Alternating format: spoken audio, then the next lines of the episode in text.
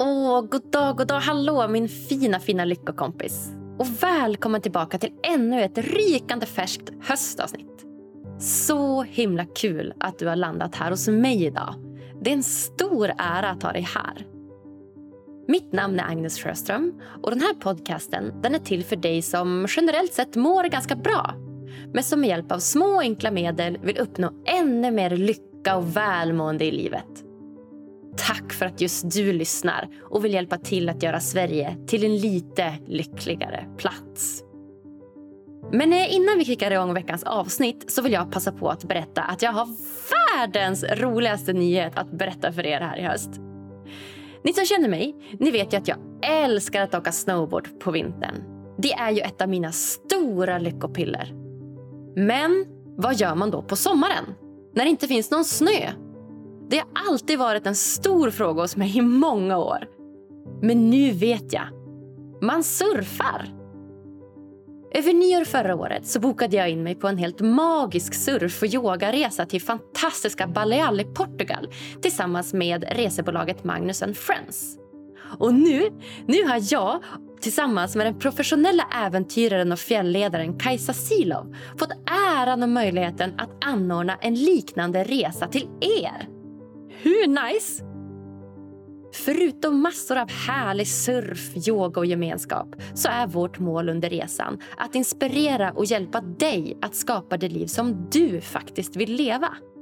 Ett liv som ger dig fjärilar i magen varje dag.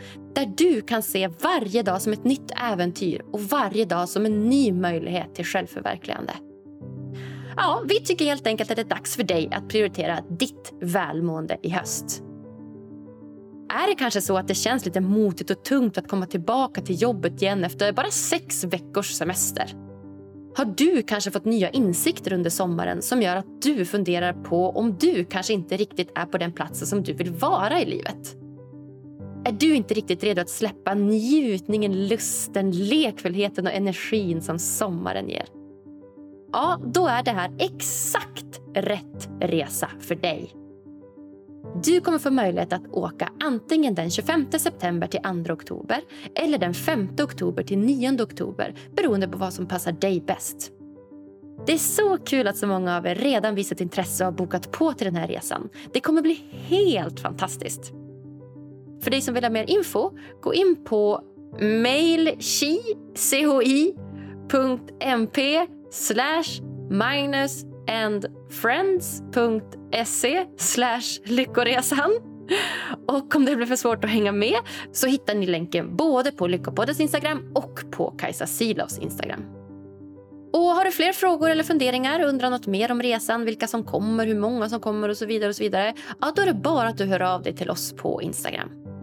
Det kommer bli helt maxat hörni. Jag är helt övertygad. Det ska bli så himla roligt och jag hoppas verkligen att just du vill följa med. Surfs up! Okej, nu till veckans avsnitt. Har du fått tipset Var bara dig själv någon gång? Var bara dig själv. Men det är ju bara att vara dig själv. Ja, det har jag. Miljontals gånger. Hur gör man det egentligen? Hur är man bara sig själv? Jo, det försöker jag och eh, den filosofiska kreatören, föreläsaren och samtalsaktivisten Navid Modiri klura ut idag. Han gästar nämligen Lyckopodden för andra gången i poddens historia efter att ha skrivit ett Instagram-inlägg om hur provocerad han blir av att höra folk säga “var bara dig själv”. Navid driver podcasten Hur kan vi? och arbetar med samtalet som verktyg för att hjälpa oss att bli bättre på att prata med och lyssna på varandra. Navid tror på det nyfikna samtalet som är väg till innovation, integration och samarbete. Ja, jag måste nog säga att det här avsnittet blev nog lite flummigare än vanligt. Men eh, det blev också exakt som det skulle bli.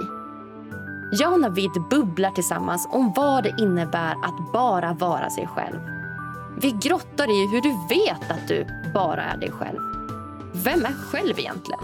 Och hur är man det? Ja, ni hör ju. Snurrigt, flummigt, men också väldigt, väldigt roligt. Så skruva upp volymen nu, kära du, och låt dig föras med på en bubblig filosofisk resa genom en av livets stora frågor. Enjoy!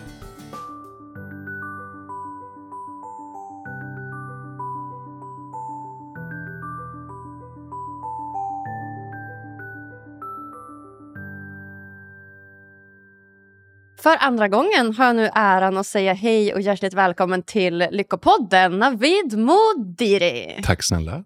Välkommen för andra gången till Lyckopodden. Tack, tack, tack. Tack, tack, tack.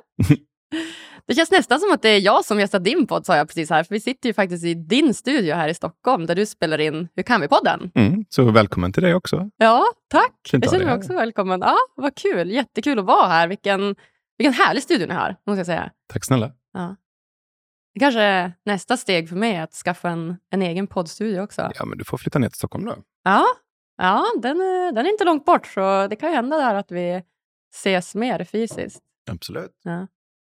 Det här är faktiskt min andra intervju som är fysiskt nu sen coviden och jag sa det till dig innan här att shit vad kul det är att faktiskt träffas så här, alltså live igen. Det är ju en helt annan grej. Visst är det? Vi gjorde några samtal i Hur kan vi på länk.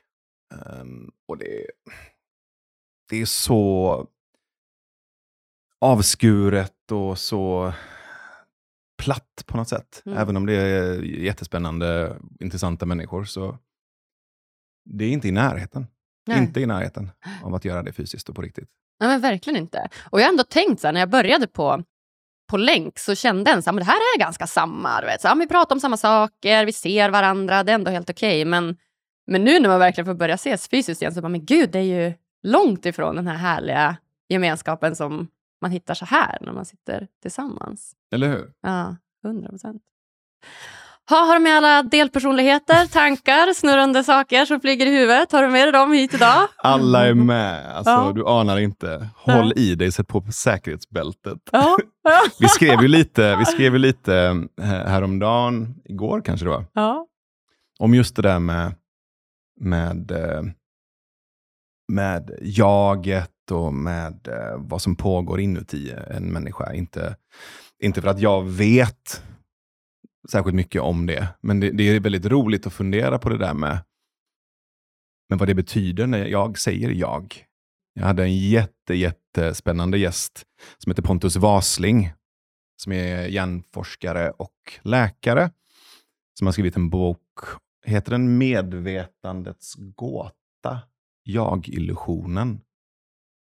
Där, eh, det här är ju ett mysterium som, som många forskare och filosofer och andra har försökt få grepp om, alltså i tusentals år. Vad betyder det när jag säger jag? Eh, var sitter jaget?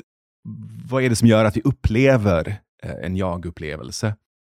Um, och jag vet att du, du har ju träffat Alexander Bard och, och Ja. han har väl gett någon slags psykoanalytisk förklaring till eh, jaget och detet och de här olika lagren. Men det finns, en, det finns så många nivåer av det där. Det finns en liksom, biokemisk, eller kanske till och med, det kanske heter neurokemisk, jag vet inte.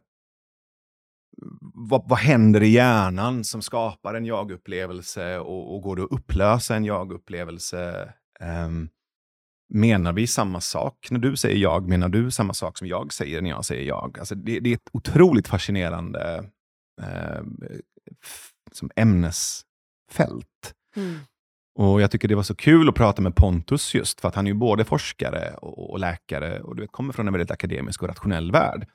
Och när han skrev den här boken så utmanade han sitt eget jag genom att både göra den teoretiska akademiska biten väldigt snyggt och väldigt så gediget fundament och sen så åkte han ut och provade en massa saker som var utanför hans komfortzon.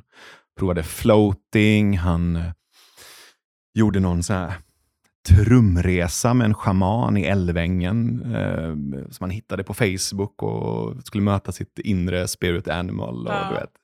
Väldigt nyfiket och väldigt öppenhjärtligt och icke-dömande.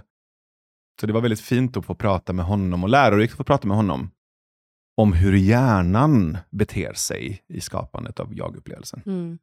Ja, spännande. Det låter ju minst sagt som en podd, eller gäst för podden det också kanske. Definitivt, honom Ja. borde du ha. Ja. Både ja. honom faktiskt. och hans fru Helena Wasling som forskar på beröring. Åh gud vad spännande. Shit. Tänk dig de frukostsamtalen. Ja, eller hur? Alltså, va? De kan ju ha hur mycket som helst att prata om känns det som. Definitivt. Ja. De är jättefi- jättefina människor båda två också, Ja. så väldigt tacksamma gäster. Ja. Mm. Kul, spännande. Ja, du har ju gästat podden tidigare. Du var ju med här 2020 tror jag, i avsnitt 135. Kommer du ihåg vad vi pratade om? Nej. Lycka, tänker jag. Lycka! Eller kanske motsatsen mer skulle jag säga. Alltså jag pratar ju så förbannat mycket. eh, Så att, eh, nu sitter Victoria här borta och nickar för att hon tvingas ju lyssna på mig också Ja, hela bästa Victoria. tiden. Som också varit med på den. Som också varit med i potten. Ja. Shout out till dig. Ja, fint. Nej, Eh, vi pratade ju om hur du rastar din inre drake. Just det, nu minns jag. Nu kommer du ihåg? Exakt. Ja. Mm. Du hade ju en lista på liksom saker du gjorde då. Var det dagligen? Eller när det behövdes kanske? Ja, när det behövs. När, När den, behövs. när den börjar knorra. Mm. Eh, man känner hur de här drakvingarna börjar liksom Ja. vibrera och skava lite mot insidan av kroppen. Och då behöver draken ut och rastas. Ja. Det låter eh, sexuellt, det är inte ett dugg sexuellt. Eller det kan man nog använda det till om man vill ja, det. det kan man nog säkert. Men, eh, men eh, det här handlar ju snarare om, det är väl ett ganska så jungianskt synsätt, att eh, inte vända sig bort från sitt mörker. Att inte vända sig bort från det du skäms för eller det som kan anses osympatiskt eller tabu. Att inte vända sig bort ifrån begär eller eh, ehm, smuts eller mörker eller skam eller aggression eller våldsamhet. Utan att det vi behöver göra är att lära känna de här delarna av oss. För att det är det som gör att vi blir medvetna om dem. Och det tror jag gör också att på något sätt hjälper det att eh, se till att de delarna inte styr dig. Jag tror inte att till exempel män som lär känna sin våldskapacitet, som lär känna sitt våldskapital och sin aggression och sitt mörker och sin ilska och sin vrede. Jag tror de männen som på riktigt lär känna och titta på de bitarna i sig själva, jag tror inte de exploderar på sin omgivning på det sättet. Mm. Däremot så tror jag att män som trycker undan den typen av känslor och den typen av aggressivitet och våld, för det finns i oss alla.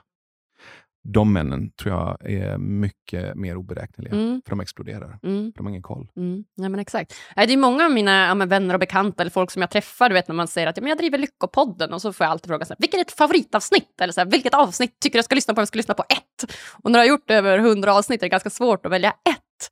Men när män frågar mig så här, vilket, vilket avsnitt tycker du jag ska lyssna på, då rekommenderar jag oftast det avsnittet. För Mm. det känns som att det relevant för män också, kanske extra relevant för män. Just det, för kvinnor har ingen aggressivitet, eller? Den kanske tar sig uttryck på andra sätt, tänker jag. Absolut. Och du är ju man också, så du relaterar ju mer till det kan jag tänka mig. Och det var ganska mycket, som jag kommer ihåg det, övningar som hade med så här, fysiskt agerande att göra. Typ slå på en boxningskudde och skrika och sådana Mm. saker. Och det tänker jag kanske kan relatera mer till män. Mm, jag är inte så säker på det. Nej, kanske inte. Jag, jag, har, Kanske, kanske inte. jag var på en ilske-workshop eh, på fyra timmar för eh, som verkligen gav mig väldigt mycket förståelse och kännedom om min ilska och min aggression. Eh, och det var en fantastisk kvinna som ledde det. Okej, och det är spännande. många kvinnor jag känner som, som gör samma typ Mm. av arbete. Sen har, är jag säker på att eh, du har rätt i att det kvinnliga aggressionsuttrycket, eller våldsuttrycket, det är inte lika ofta i form av fysiskt Nej. eller våld eller aggressivitet eller explosivitet, utan det kommer snarare ut i form av eh, psykiskt våld eller manipulativt våld eller eh, den typen av, det är också aggressioner, Mm. men det sker på ett annat plan. sätt. Men jag tror att principen att lära känna de Ja. skuggsidorna hos sig själva är mänskliga. Eh, Så det finns nog ett arbete att göra för oss alla. Ja, 100 procent. Det gör det verkligen. Ja, så det tycker jag att lyssnarna som inte har lyssnat på avsnitt 135 med dig, de kan ju börja med det kanske. Mm. Så hoppa hit sen. Ja. Någon, jag vill också påpeka att drak, eh, den största draktämjaren eh, s- är ju en kvinna. Det är ju eh, Khaleesi i Game of Thrones. Just det! Mm. Och hon, hur cool är inte hon? Exakt, hon, Alltså, hon har koll på sina drakar. hon har koll på sina drakar. Har Mm. du koll på dina nu då, tycker du? Koll och koll. Jag har bättre koll idag än för fem år sedan. Ja. Men eh, så fort jag tror att jag har koll och slutar Mm. göra jobbet så tror jag att jag åker dit, Ja. precis som vem som helst. Klassisk meditation också. När man Absolut. mediterar och bara nu, nu har jag sån koll och jag är så distanserad från mina tankar och sen bara boom, Mhm. får man börja igen. Ja. Ja. Ja, nej, Navid, tack snälla för att du vill gästa podden igen. Det känns superkul att ha dig här. Jättefint att vara här. Ja, Mm. och eh, anledningen till att du är här idag är att vi ska prata om någonting helt annat än drakar faktiskt. Mm. Jag em, vet att du gör ett fantastiskt jobb med din egna podd, Hur kan vi-podden, där du tar upp väldigt mycket minst sagt utmanande ämnen och utmanande gäster kan man ju säga. Mm. Och em, även på din Instagram så skriver du väldigt mycket em, intressanta, djupa och liksom filosofiska texter ofta. Och eh, där satt jag och scrollade i mitt klassiska flöde och så dök det upp. Och det första jag såg då det var en härlig man iklädd tjejkläder. Jag, jag, jag vill säga tantkläder. Tantkläder kan Ja. man också säga till och med. Eller det var åtminstone tanken vi hade när vi, när vi var och handlade på Ja. Myrornas. Att vi skulle vara två tanter. Två tanter, var det så det var? Ja. Ja. Ja. för det är ju min nästa fråga. Så här, hur kom det sig att du står, det ser ut som att du står typ i en öken iklädd någon så här rosa tantskjorta med en så här pärlhalsband och typ en hög kjol. Va? Hur kom det sig? Nej, men du vet, ibland så pratar vi om att vi har ett inre barn. Mm. Ehm, och, och det tror jag att vi har. Jag tror också att barn har en inre vuxen. Jag tror att vi har olika både delar, delpersonligheter, men också frön och potentialer till nya delpersonligheter. Och det som är så spännande med inforskandet är ju att du kan lära känna och hitta nya. Där, Men där var, där var en sur jävel. Ja, Men då kanske jag ska utforska min inre kärring. Eller min inre surgubbe. Ah. Att det finns någonting fint i att bjuda in alla de här olika delarna och nästan som att ge dem olika uppgifter. Ibland kan det finnas en poäng i att vara jävligt sur. Ibland kan det finnas en poäng i att vara blyg eller eh, introvert eller explosiv eller galen. Eller, du vet. Så att de här olika delarna, att titta på dem, att bjuda in dem, nästan föreställa sig att du, du, du vinkar till dem och säger, men ska inte du också vara med? Det finns ett bejakande och ett accepterande av dig själv i det. Ehm, och ehm, just det här att bejaka min inre tant, um, var det kommer ifrån, eh, det är att jag och en uh, god vän till mig, eh, båda hade väldigt roliga ja, men, upplevelser av eh, våra inre tanter. Och så tänkte vi att vore det inte kul att visa dem utåt? Och vi skulle åka på Burning Man-festivalen i Alltså jag Nevadaöknen. tänkte det, att det Mm. ko- var kopplat till den. Jag vet inte varför, men jag såg bilder på det här måste ju vara Burning Man i Borderland eller någonting. Så det Mm. var alltså det? Det var. Burning Man. All right. 2014 eller 13. Mm. Så eh, vi eh, klädde upp oss till eh, två tanter och eh, gick runt bland de här 80 000 festdeltagarna. Vi hade varsin handväska med en teservis i och gick runt och pratade svenska eh, och hade skitkul. Det var något tillfälle vi träffade ett gäng eh, australiensiska livvakter, heter det inte, det heter eh, badvakter. Alltså de var badvakter slash läkare. Och då var de liksom tio ganska hunkiga, du vet, snygga australiensiska killar i 25-årsåldern som stod och dansade i en ring och du vet, hade det skitnice. Och så kommer vi två svenska tanter och pratar svenska med dem. Um, bara det mötet, att, att iklä sig rollen av en av dina sidor eller delar i mötet med andra människor. Och jag vill inte säga rollspel. För att jag spelar ju inte en roll, utan jag bejakar en version av mig själv och överdriver den.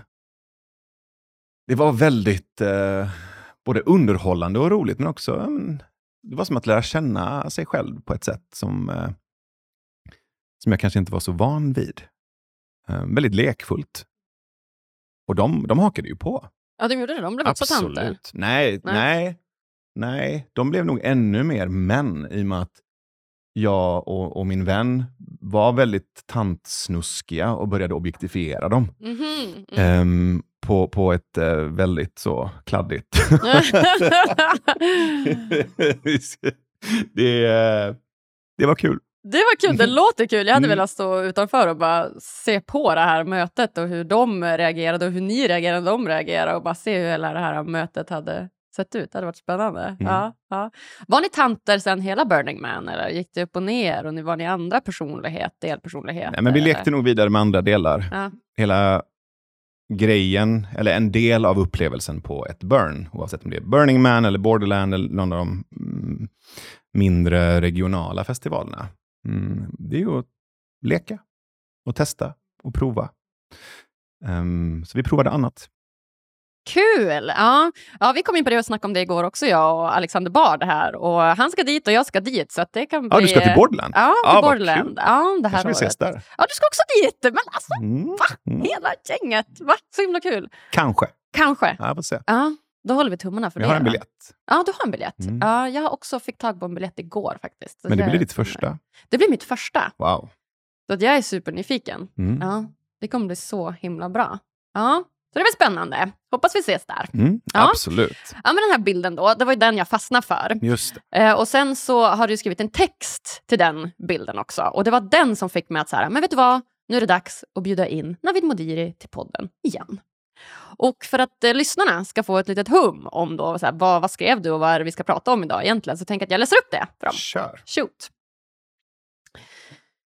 Då skrev du så här att ehm, varje gång jag hör en överbetald inspirationsföreläsare, en klämkäck förälder eller livscoach som citerar sig själv på Instagram säga “var bara dig själv” så vill jag kasta ett köksredskap mot deras ansikte och i smyg hoppas att det inte kommer fånga det med handen. Det är självklart bara en våldsam fantasi för att uttrycka min irritation över dessa personers bristande uppkoppling till verkligheten och ingenting jag skulle göra på en Oscarsgala eller annan prisutdelning inom den närmsta framtiden. Att säga “var bara dig själv” är ungefär som att säga “säg alltid det som är sant”. Att göra det är direkt socialt inkompetent på en sån hög nivå att du går från att ha ett rövhål till att plötsligt vara det. Du blir föräldern som pratar bukake med sina barn för att det också är sex.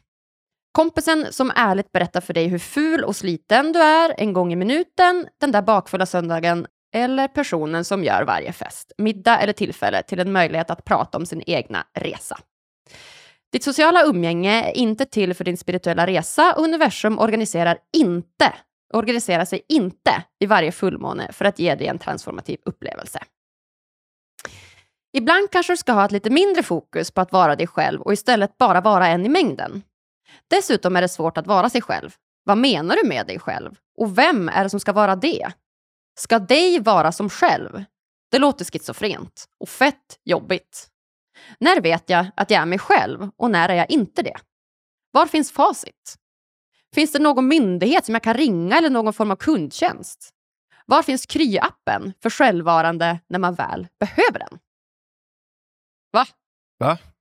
Vilket inlägg! Vad, jag är ju nyfiken på um, vad det var i det som gjorde något med dig. Ja. Em, det var väl den här första meningen egentligen, det här med att du blir provocerad när du hör en livscoach eller klämkäck förälder säga så här, var bara dig själv. Mm. För det är ju ett spännande uttryck, så här, var bara dig själv. Jag tycker att jag kan, dels så kan det landa i att så här, ja men säg att du blir, ja men att du inte får vara, alltså så här, var bara dig själv, att det finns någon slags utveckling i det, att så här, du, du ska inte utvecklas, du ska bara vara den du är just nu. Är du med? Att det kan vara lite provocerande. Så det var väl där jag landade, i så här, hur mycket, ska man det eller ska man inte det? Eller så här, vad, vad är du, vad, vad tänker du i när det kommer till din egna text? Det är nog ordet bara. Var bara dig själv. Att lägga in ett bara där. Som om jag satt och väntade på att du skulle säga den där meningen och sen bara, aha! Jag ska bara vara mig själv. Tack! Då är det löst och då går jag och så är jag det.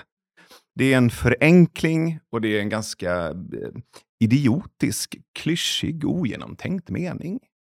För att dels, det finns så många, det finns så många dörrar att liksom knacka på här i att försöka veckla ut det här resonemanget.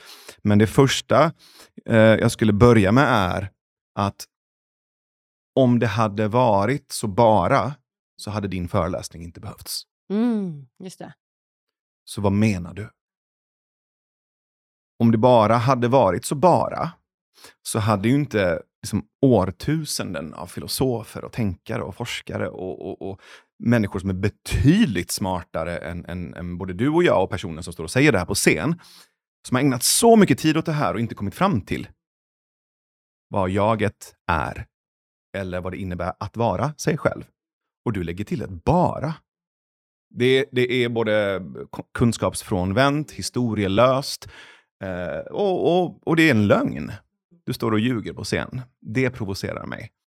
Det som hade varit värdefullt är ju snarare att möta andra människor i på ett lekfullt, ödmjukt, men också ett empatiskt sätt. att det här är en av de svåraste frågorna i att vara människa. I att förstå, vad är jag? Och vad fan gör jag här? Vad är vi? Vad håller vi på med? Vad är det här för något?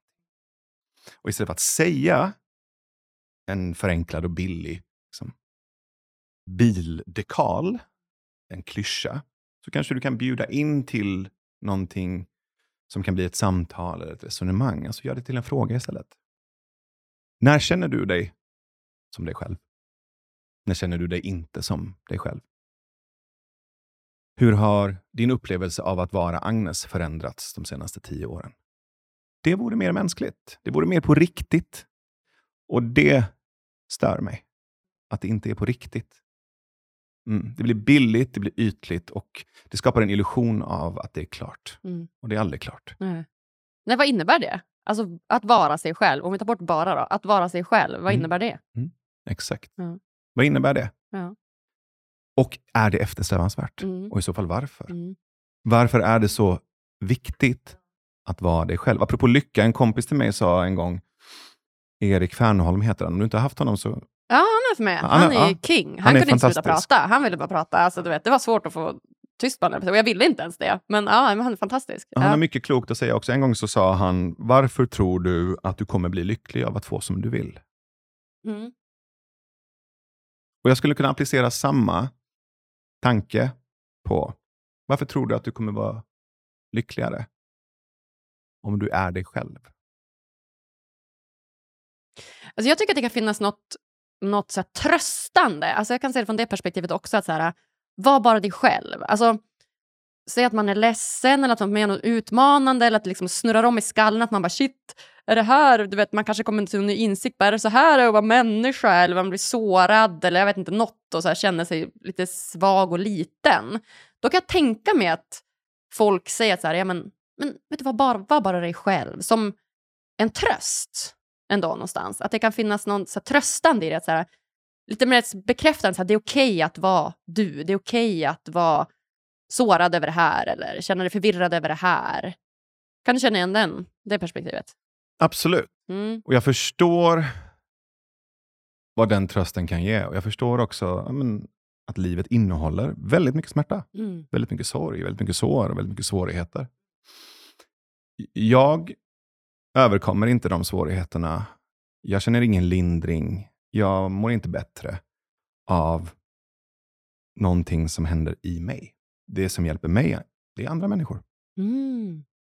Det är att inte känna mig själv. Det är att känna mig tillsammans.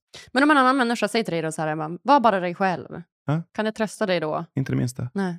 Vad hade Ja. du velat höra? Det beror på vad, vad som händer i mig, vad som är problemet. Vad som är såret. Jag menar, om jag är ledsen så vill inte jag bli tröstad.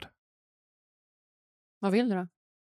Jag vill att någon är där med mig i sorgen tills den är över. Jag vill inte vara själv i den. Jag vill inte känna mig ensam i den. Jag vill känna gemenskap, beröring och att någon kan tillsammans med mig skapa en plats där vi kan få vara ledsna en stund.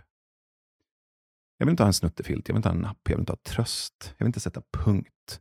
Jag vill låta sorgen få vara sorg tills den är färdigsörjd. Samma sak med arg eller irriterad. Någon som lyssnar, någon som tar emot, någon som säger okej. Alltså okej är ett fantastiskt mantra. Jag är ledsen just nu. Okej. Jag är arg just nu. Okej. Jag, jag vet inte vad jag känner just nu. Okej. Men när någon säger till mig, var bara dig själv, Mm. så, så är det som att sätta ett plåster på, ett, på en brännskada. Mm. Ser gulligt ut, det är en liten eh, klisterlapp med Bamse på. Men jag har fortfarande en jävla brännskada på armen. Mm. Och du känner att du har gjort någonting, men du har inte bidragit med någonting. Du bara fejkar. Mm. Och det är, jag är inte intresserad av det. Det är det som stör mig.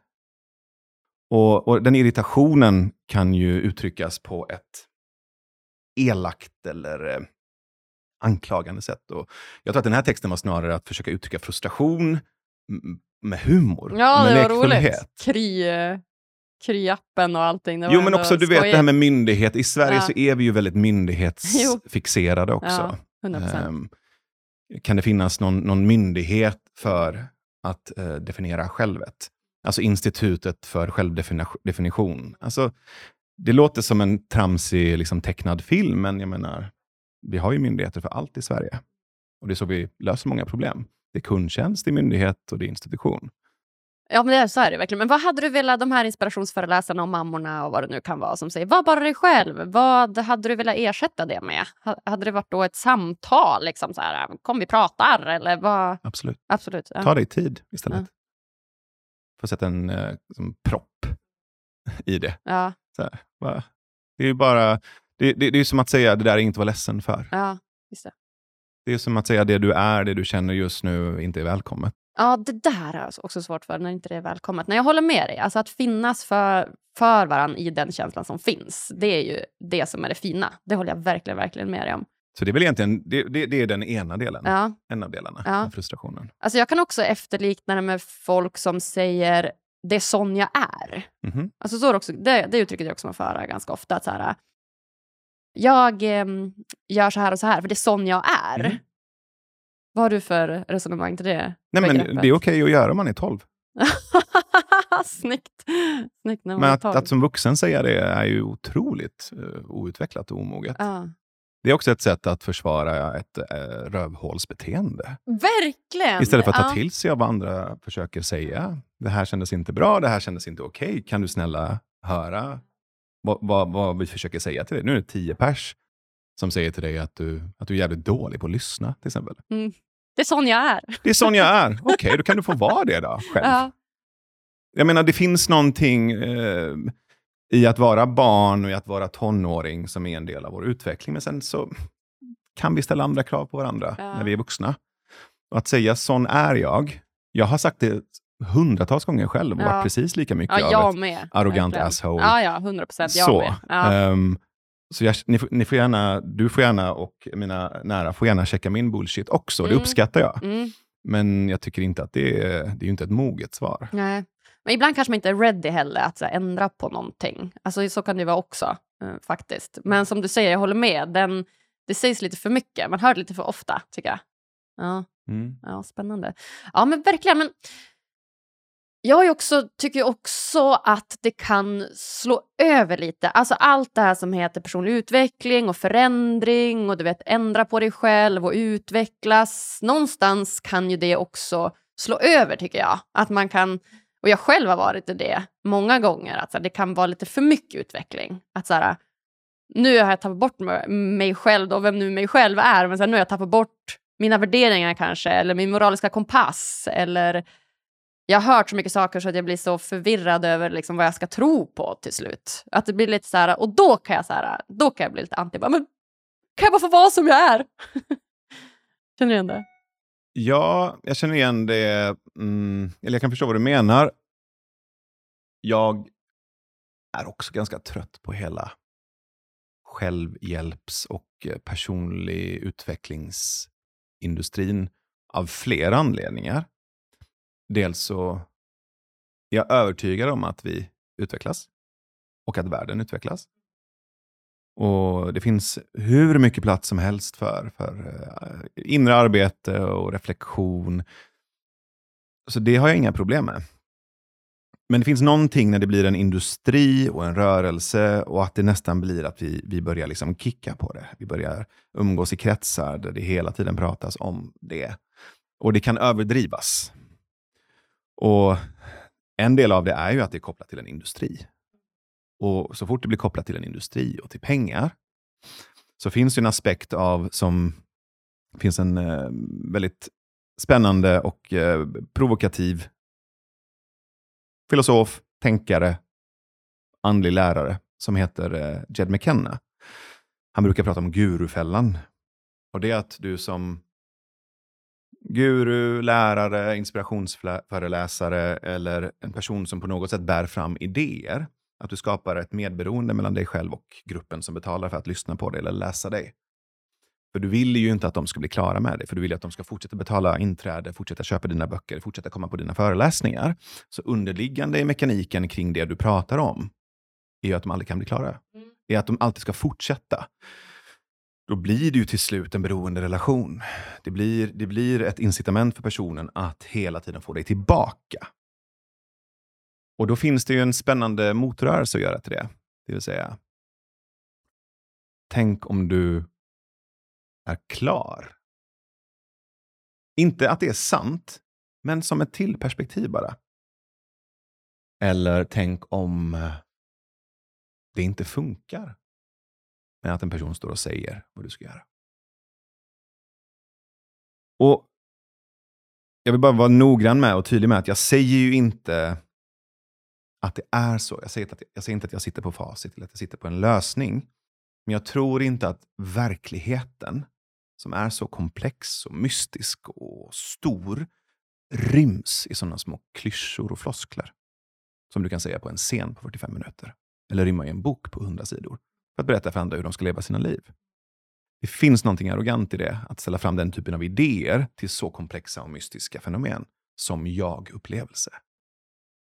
Men det är ju spännande att istället för att stanna vid den här meningen, var bara dig själv, slänga bort den så att du kan utforska, inte bara inåt i dig själv, utan utforska, prata med andra människor, titta på världen genom deras ögon, lyssna till deras upplevelser. Plötsligt har du inte bara en kamera som går inåt, du har liksom tusentals kameror. Du gör ju det i din podd. Och vi gör ju det när vi läser böcker, vi gör det när vi tittar på dokumentärer.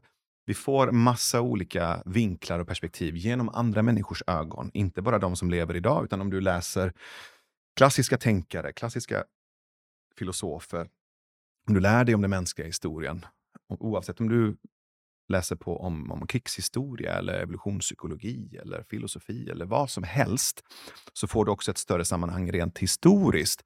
Och då tror jag att det blir närmre det vi skulle kunna kalla för verklighet. Sen tror jag inte att verkligheten låter sig fångas på det sättet, men det blir närmre det än den här lilla töntiga meningen. Speciellt när det kommer till någonting så komplext som jag-upplevelse. Mm. Och... Men och få tid att så här, utforska det själv. Alltså, alla de här, som du säger, det finns hur mycket intryck som helst du kan få utifrån. Du kan få vänner, inspirationsföreläsare, mammor, pappor, gud vet vad. Men också att så här, ge dig själv tid att så här, fundera på det. Att, så här, de här intrycken som du får, att landa i det. Och så här, vad tycker jag här? Vad är mina värderingar? Vart är min moraliska kompass? Alltså att få den tiden känns ju minst lika viktig mm. än att få intryck utifrån. Mm. Men det är en annan sak. Vad tycker jag? Vad tänker jag? Vad har jag för värderingar? Inte vad, vem är jag? Ja, den, vem är jag och vad har jag? Exakt. Det är olika saker. Så en otroligt stor skillnad på de två, de två perspektiven. Ja, 100 procent. Vem är jag? Vad har jag? Mm.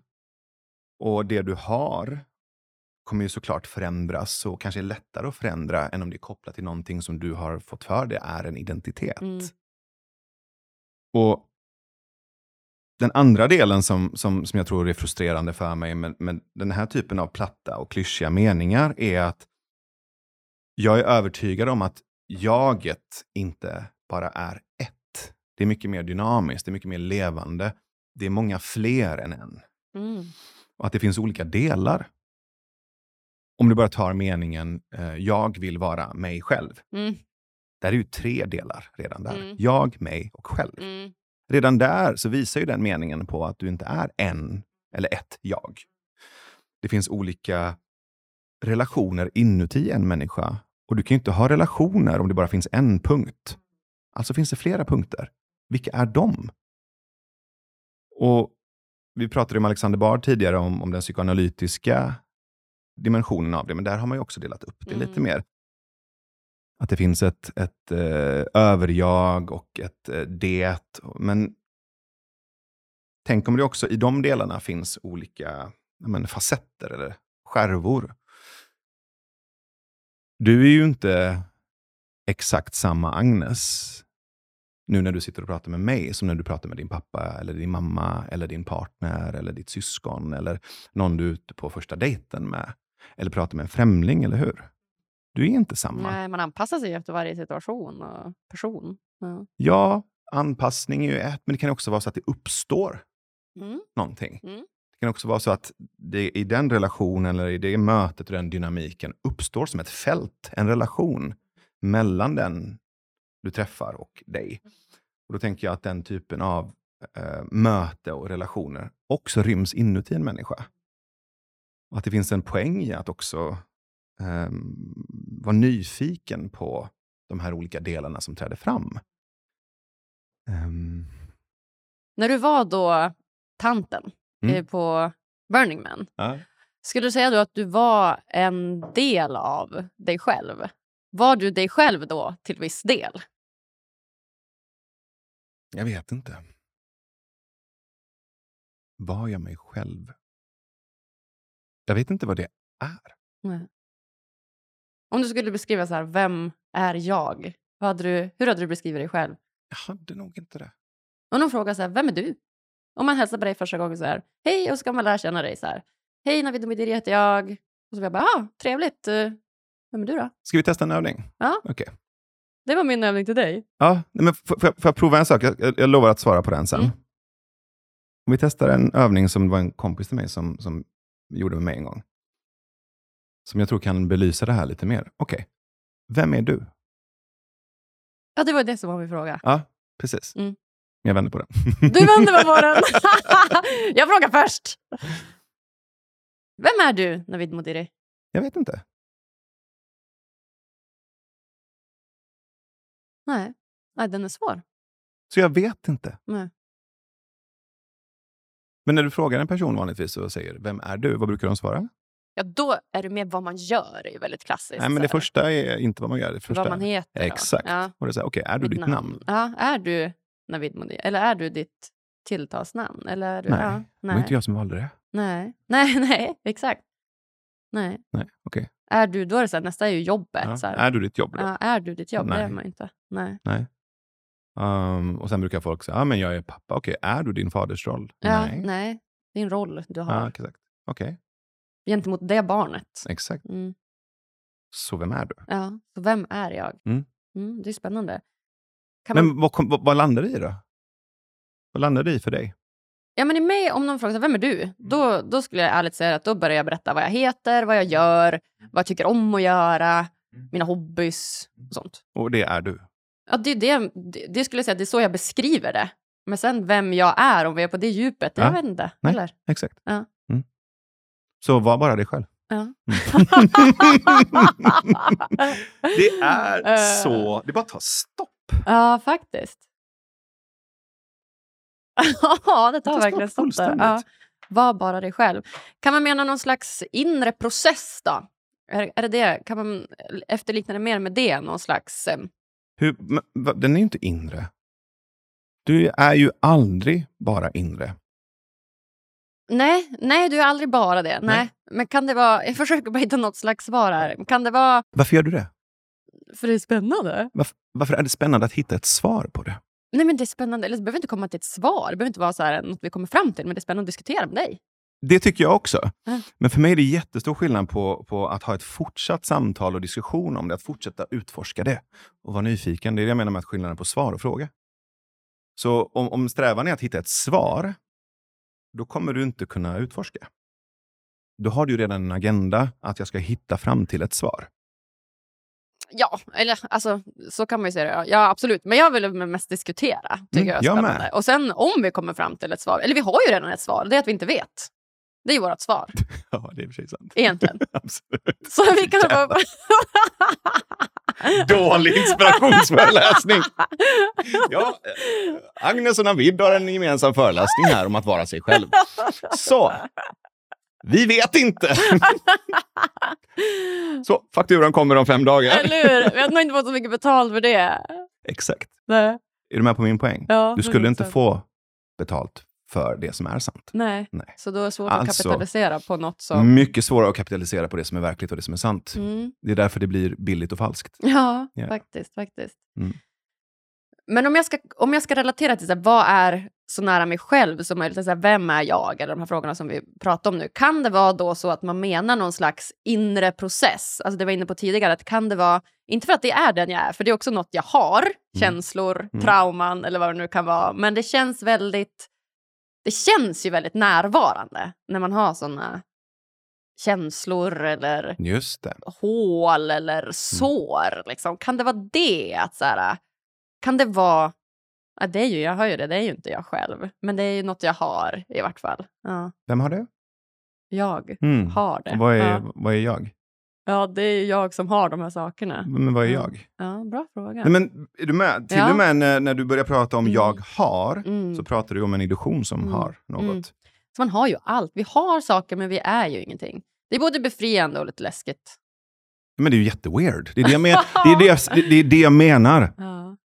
Det är ju helt bisarrt att, att, att vi ens sitter här, du och jag, och finns till. Mm. Det, så, det, det, det, finns ett, det finns ett klipp med en fantastisk komiker, apropå lekfull frustration, ja. som cirkulerat på, på Instagram och Facebook. Jag älskar att titta på den, alltså det är två minuter långt. Man bara står där, han bara, It's ma it makes no fucking sense. Ja. Att finnas till, att vi är här, verkligheten, existensen, livet. Alltså det är bara, pff, vad, vad är det här för någonting? Och det, den lekfulla frustrationen och nyfikenheten och utforskandet och det här äventyret. Att du vet, åka runt i den här köttkostymen och bara försöka på något sätt med de här märkliga sinnena och relationerna vi har både till andra och till oss själva försöka utforska, ta reda på, hitta små bitar av något märkligt pussel bara det i sig är ju så weird. Oh. Och det är så kul och det är så knäppt. Oh. Och jag vill inte att någon ska komma och stanna upp det. Nej. Alltså jag, jag önskar ju snarare i en publik, i en situation där det står en på scen och det sitter hundra pers i publiken, att de ska vända sig till varandra. Än att sitta och så här, du vet, sitta passiva och tysta och tro på de där enkla svaren som någon person där uppe tjänar pengar på att skriva om. Jag har varit den personen också. Mm, jag med. Ja, så att jag förstår också att det finns någonting i det där som är lockande. Det finns någon, en aspekt av ekonomi och överlevnad. Vi behöver betala hyran, vi behöver du vet, eh, sätta mat på bordet för oss själva, för vår familj. Alltså vi, är också, vi är också kroppsliga, fysiska djur som behöver överleva. Men vi är också någonting annat. Det finns någonting annat i oss som är ett mysterium och de här två tillsammans djuret, kroppen, köttet och det här mysteriet och illusionerna, det går ihop. Mm. Och så blir det Agnes. Som, som dina föräldrar döpte dig mm. till. Mm. Okej. Okay. Köttkostym. I den här liksom, eh, ja men det är en jävligt fin köttkostym ja, dessutom. Och så tack, går du omkring ja. och så är du Agnes. Ja, exakt. Som någon annan har sagt att du heter. Och sen så är det ju, jag tror inte det är en inre process bara för att så mycket av den du är, eller den bilden du har eller upplevelsen du har av att vara jag, har ju uppstått genom att du har spelat relationspingis med andra människor från att du föddes. 100%. Funkar det här? Funkar det här? Funkar det här? Det här funkar inte. Kan jag göra så här? Får jag säga så här?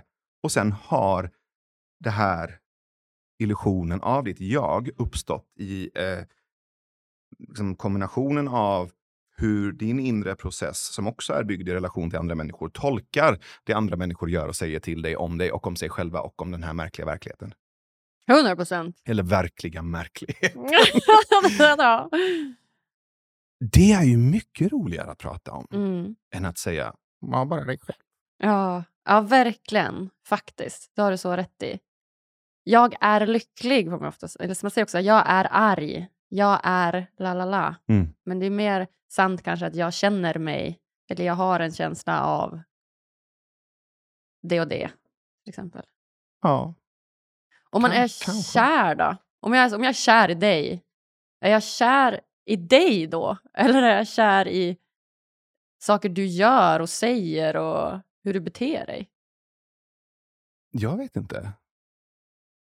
Du är väl förmodligen knäpp om du är det, tänker jag spontant. Men, men det, beror ju på, det beror också på hur knäpp du är och vad du har för preferenser.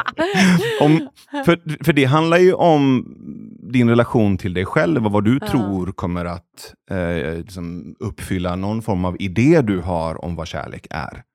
Ja. Right? Och den har ju präglats av normer, den har präglats av hur du har sett dina föräldrar, andra människor, eh, sånt du föreställer dig kärlek är. Du har vuxit upp precis som jag med Hollywood och romantiska komedier, där allting är jättejobbigt och frustrerande i, i 47 minuter, sen de sista 13 minuterna så löses allting. Ja. Sen är det klart, vi får aldrig se uppföljaren när allting är jobbigt igen. Nej, Nej. nej, nej. Så allt det där formar ju vad du tror att du menar när du säger jag är kär i dig. Ja, För du vet ju inte vem jag är. Jag vet ju inte vem jag är. nej. Hur fan kan du vara kär i mig? ja, den är konstig egentligen om man inte vet vem man är.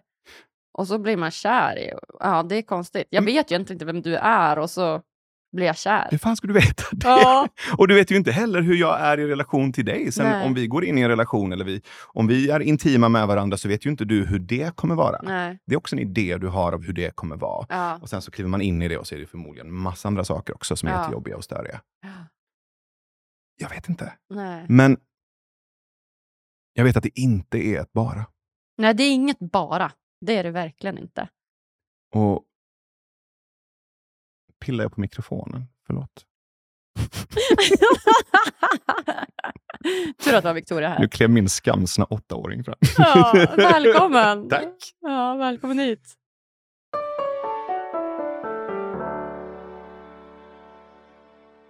Något jag har lärt mig under alla de åren som jag har drivit eget företag det är att du inte får vara rädd för att be om hjälp.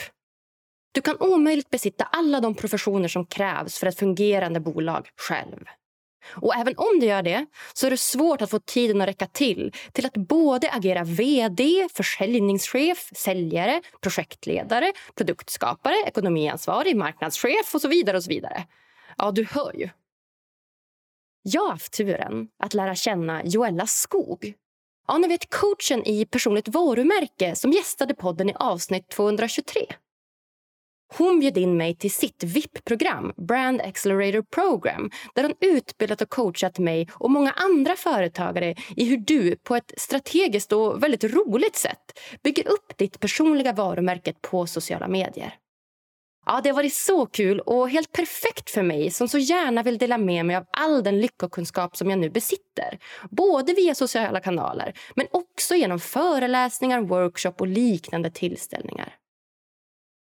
En av de absolut viktigaste nycklarna som Jölle har lärt mig när det kommer till att bygga just ditt personliga varumärke så är det autenticitet. Att vara autentisk, genuin, att vara sig själv. Hur härligt är inte det? Tänk att få lära sig att vara mer sig själv. Att ju mer genuin du är, desto starkare och mer trovärdigt blir ditt personliga varumärke. Ja, jag bara älskar det. Bort med alla masker och var mer dig själv. Bästa, bästa. Är du företagare och känner att du behöver stärka ditt personliga varumärke? Ja, då tycker jag absolut du ska kika in hos Joella på brandacceleratorprogram.com för att få veta mer. Stor kram!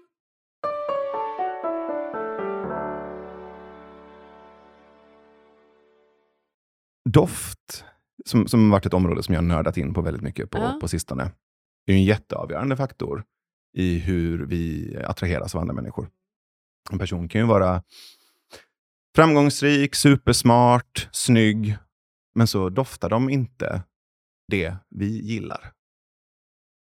Men så träffar du någon störig, eh, ointelligent eh, slacker, men av någon anledning så har han en doft som påminner dig om en stund du hade med din pappa när det var väldigt fint att vara tillsammans. Då tänker du, mm, det här är rätt person för mig.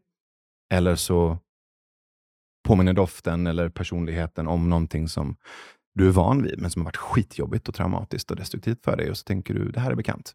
Mm. Det betyder inte att det är bra för dig. Nej. Så att det där är också, så, vadå, ja, okej, kärlek. Jo, men vem har lärt dig vad kärlek är och vad har jag lärt mig vad en relation är? Och hur vet jag att det är bra grund för att sen använda det som filter för att hitta någon? Mm. Jag vet inte. Nej. Alltså, vi, vi skojar ju om att det borde finnas ett Tinder Mm. där eh, dina vänner väljer partner åt dig.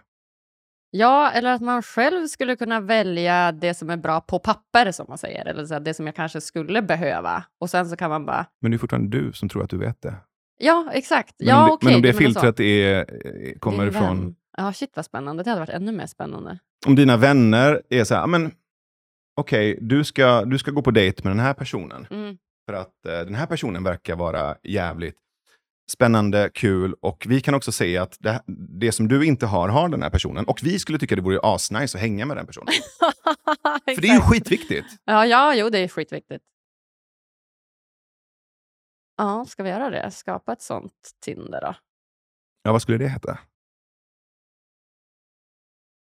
Tindrella? Nej, jag vet inte. Något annat. Tin- Tinderella. Tinderella.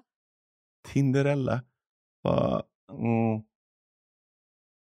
Vad heter det när andra väljer åt det? Ah, sekt. Ja, eller hur? Sekt.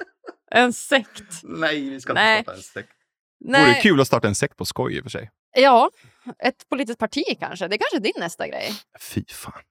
känns som att Navid Modiri skulle kunna göra det. Den du är skulle kunna skapa ett politiskt Verkligen parti. inte. Jag håller mig så långt bort ifrån politiken som jag bara kan. Ja, det är så. Ja. Mm. Dels för att Skönt jag vill inte sitta där och ta de besluten. Jag avundas inte våra makthavare som sitter och tar den typen av beslut och, och befinner sig i den typen av position där du sliter åtta timmar i veckan och, och folk är arga på dig och, och missnöjda med dig oavsett vad du gör nästan.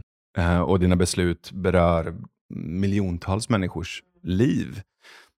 Nej, jag tror inte att det är... Jag är varken kompetent för det eller är sugen på, på att göra det. Nej. Men jag är intresserad av politik för att det är ju ett sätt att säga villkoren vi förhandlar för att vara i gemenskap. För en större gemenskap. Är vi tio personer i en stuga så kommer vi ha en mikropolitisk process. Okej, vi ska köpa, vi ska gå till systemet. Vi ska köpa lite alkohol. Okej, alla pitchar in lite. Det är ju skatt. Ja, men jag, jag, drick, jag vill inte dricka. Nej, jag dricker jättemycket. Ja, Okej, hur gör vi där? Det är ju ett mikropolitiskt projekt. Och sen så skala upp det till 10 miljoner människor. Lycka till. Ja. Alltså, det kommer vara tufft. Det är ett tufft jobb alltså. Ja. Nej, Men, eh, så men, men mycket. mitt råd till politiker i så Mm. fall är, var bara er själva. ja, det funkar nog Så, skitbra. Mona- Morgan Johansson, var bara dig själv. Ja. Du är perfekt som Jimmy Åkesson, var bara dig Var själv. bara dig själv, Jimmy. Ja, ja, alltså, Det finns gud. bara en av dig. Det finns, finns verkligen Ja. bara en av dig. Och det är som du är. Du är som du är, Jimmy. Du är som du är. Ja. Det är bra. Grilla korv och hä- häng i Sölvesborg. nu, han, är, Ja. han, han är eh, jättetrevlig. Det är han säkert. Um, sen håller vi inte med varandra om allting. Men, Nej. eh, Men han är trevlig. Ja, snyggt. Jaha, Navid, vart hamnar vi nu då? Vad har vi kommit fram till här? att vi ska trycka upp t-shirtar och, och, och sälja dem på Lyckopodden där det står var bara dig själv. Ja, Mm. snyggt. Ska vi göra ja. det? Det hade varit en rolig Det grej. är ju skitkul. Tror du folk hade fattat att det var liksom en ironi bakom Ja. det? Eller tror du att det hade varit mer en så tröstande... Nej, det kommer de fatta. För vet du varför? Vet du hur vi ska skriva det? Nej. Vi ska skriva var bara, inom citationstecken, dig, dig själv. själv. ja. ja, vad roligt. Och så får du så sponsored by Hur kan vi podden? Perfekt. Undrar hur många det hade sålt. Ja. Jag, jag tycker du ska prata med Pontus Ja. Wasling Ja. ehm, om just det här med jag-illusionen. För att han, han har ju verkligen lagt ner sitt liv i att förstå hur den mänskliga hjärnan fungerar. Eh, och sen också börjat ge sig in i det filosofiska. Är han inte också... Hade han inte en filkand i filosofi också? Jag har för mig det. Mm. Ehm, men men det, här, det här är ju, för, att komma tillbaka till min frustration, är ju att det här är ju så spännande. Det är så spännande. Att förstå och utforska och, och, och eh, nysta i det här vi kallar för jag-upplevelse. För det finns ju också, precis som Pontus var inne på, olika tillvägagångssätt och ritualer, eh, uråldriga ceremonier för att upplösa jag-upplevelsen och komma bortom det vi ser som verklighet. Det finns både um, ja, men, meditativa traditioner, det finns eh, sång, det finns eh, olika typer av danser i, i olika religiösa, mystiska kontexter som, som handlar om, ja, men, eh, inom sufismen så finns ju de här fantastiskt vackra dervisharna, om du känner till dem de här männen som, som har en liten fes och så stora vinröda klänningar. Och de dansar ju runt, runt, runt. De virvlar. De snurrar. Jag, jag gjorde en sån... Jag var på en sån eh, workshop i Indien för många år sedan och fick lära mig den, den dansen. Och Det du ska, det du ska göra, eller det, det är liksom intentionen, är att du Lite som när man var liten, du vet, man bara snurrar tills man blir yr. Medan dervisarna, de, de dansar runt, runt, runt, runt för att försätta sig själva i trans, men också att lösa upp, att på något sätt virvla bort sig själva från jag, eh, jag ehm, kopplingen. Det finns inget bra ord för attachment på svenska, men Attachment, anknytning tänker jag. ja, Därför du pratade om attachment theory här nyss. heter det attachment theory på engelska? ja, Gör det det? ja. Jaha, det visste jag inte. Nej, anknytningsteorin. Just det. Ja. Men, men, men min poäng är ju att om det finns uråldriga traditioner med, med eh, dans och sång och meditation och psykedelika och vad det nu kan vara, som har som syfte att ge dig en upplevelse bortom jaget, så är inte jaget beständigt. Nej. Nej, 100 procent. Det är en bra liknelse. Det betyder ju att det finns annat. Mm. Och om du, som jag och många andra, har gjort många år av den typen av utforskande, så blir det inte lika tvärsäkert i att säga jag. Mm. Då blir du också mer och mer förundrad över det här med identitet och, och jag-upplevelse. Och, och behöver hitta på ord som köttkostym eh, Mm. för, att, för att leka med den här märkligheten. ja. Spännande. Ja. Så vi vet inte. Så här, vad var, var bara dig själv? Vad innebär det? Vet inte. Vet inte. Vet inte. Mm, och jag är nyfiken på att fortsätta utforska det och fortsätta Mm. vara nyfiken på. Mm. Resan fortsätter. Ja, Ja. exakt så. Snyggt, snyggt. Ja. Kul Navid! Jag tänker att vi ska hoppa in här på de tre sista frågorna innan Kör. vi lämnar varandra, du och Mhm. jag idag. Och de här har du svarat på en gång, så vi får se om du svarar samma eller om det är någonting nytt. Vet du vad jag vill- var på väg att säga nu? Nej. När var det vi spelade in senast? 2020? Ja, Okej, så det var för två år sedan. ja. Mm. Så det, det är jaget svarade på dem. ja Det här ja. jaget har inte svarat på dem. Nej, det är sant. Exakt, det nya jaget har inte svarat på dem. Så, vi Så vad är det för frågor? Ja, vad är det för frågor? Det första är ju då, vad gör dig riktigt, riktigt lycklig?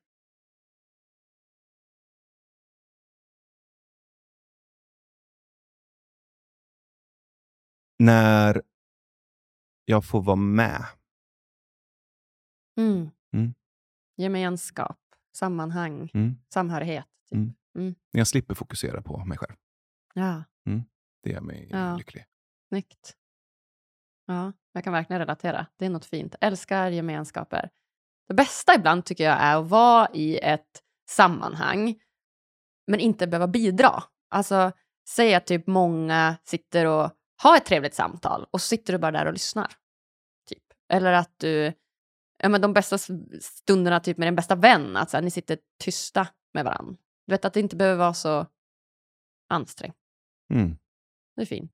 Jag tänker att det är ett bidragande. Det är ett bidragande på Mm. ett sätt. Ja. Att lyssna är ju något Nej. av det finaste vi kan ge varandra. det är det. Och att vara tillsammans, närvaro, är också det bland det finaste vi kan ge varandra. Så jag tror att det kanske finns också en poäng i att omförhandla vad vi menar med bidrag och att göra. Ja. Och jag håller med dig. Det finns få saker som är så, så vackert som att sitta runt ett middagsbord med människor som Mm. sitter och samtalar och bara lyssna. Mm. Nej, inte bara lyssna, och lyssna. ja, inte bara lyssna. Nej, lyssna Mm. faktiskt. Mm. Ja, fint. Ja, jag håller helt med. Fint.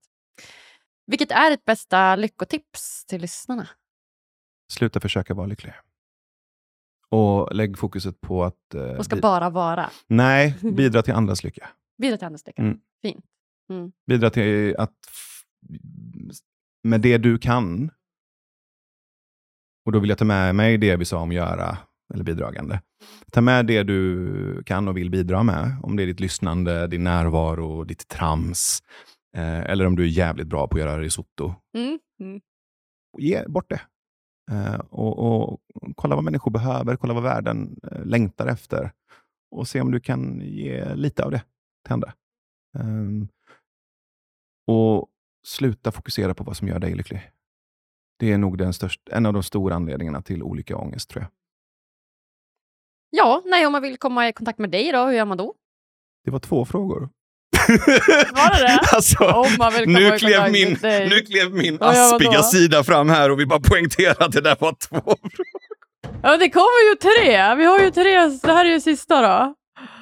Vadå? Förlåt. Ja, så.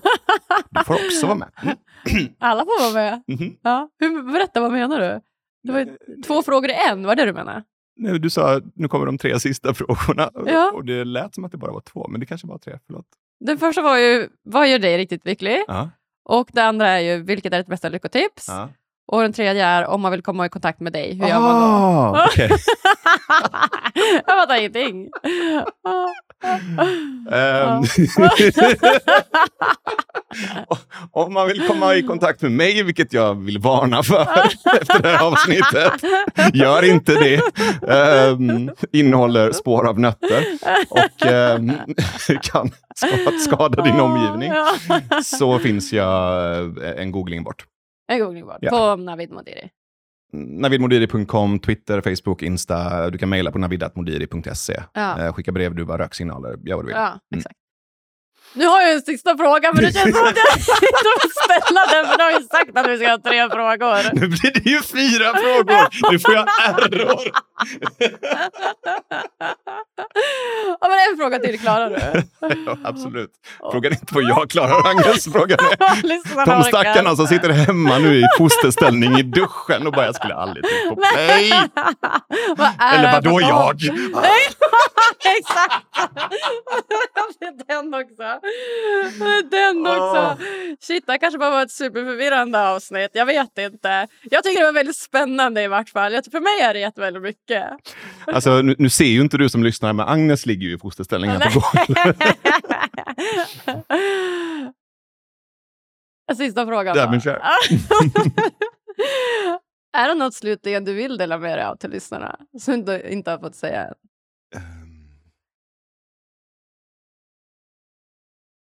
Var bara dig själv.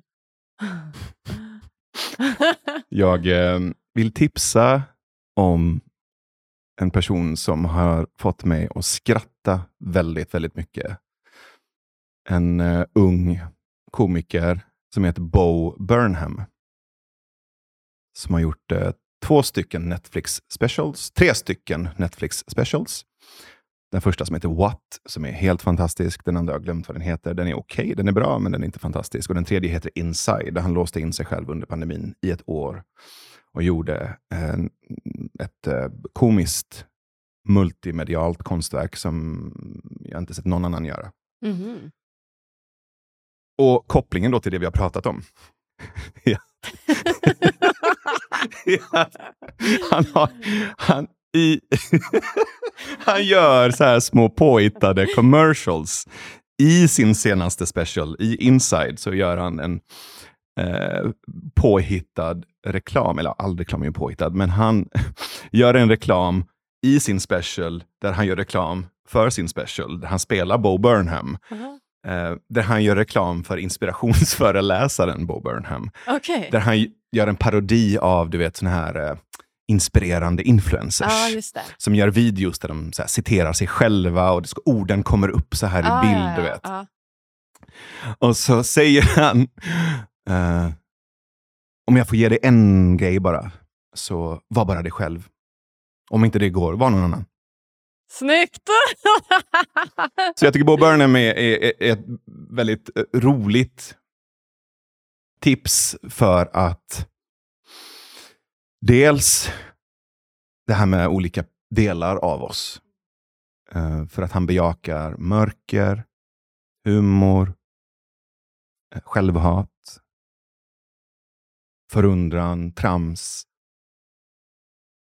suicidalitet ibland och bjuder in hela den mänskliga upplevelsen på ett så otroligt vist och moget och, och lekfullt sätt.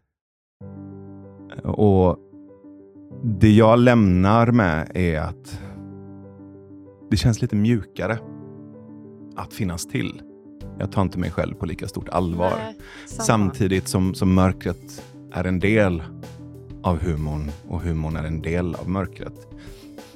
Och utan humorn så hade vi tagit livet av oss och utan mörkret så hade vi inte levt.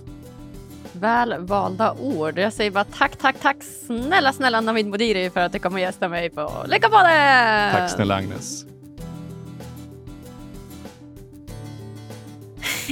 ja du, vilket avsnitt! En riktig djupdykning i vad det betyder att bara vara sig själv. Hängde du med? Tycker du att det var bra? Tycker du att eh, jag och Navid bara flummade runt en massa eller fanns det en poäng i allt babbel? Ja, om du fann något värde i det, då hade du gjort min dag om du ville gå in på Podcaster-appen i din iPhone eller Android-telefon och klicka i så många stjärnor som du tycker att avsnittet förtjänar. Lämna jättegärna en gullig liten kommentar också om du vill det. Och vill du veta mer om mig och följa mitt arbete och få ännu mer lyckotips och inspiration? Då tycker jag att du dels ska följa vår Instagram, där heter vi Lyckopodden. Och och också lägga till mig i ditt nätverk på LinkedIn om du vill det. Agnes Sjöström heter jag där. Då lovar jag att du inte kommer missa något lyckotips alls. Vi hörs på tisdag igen. Lyckopuss till dig!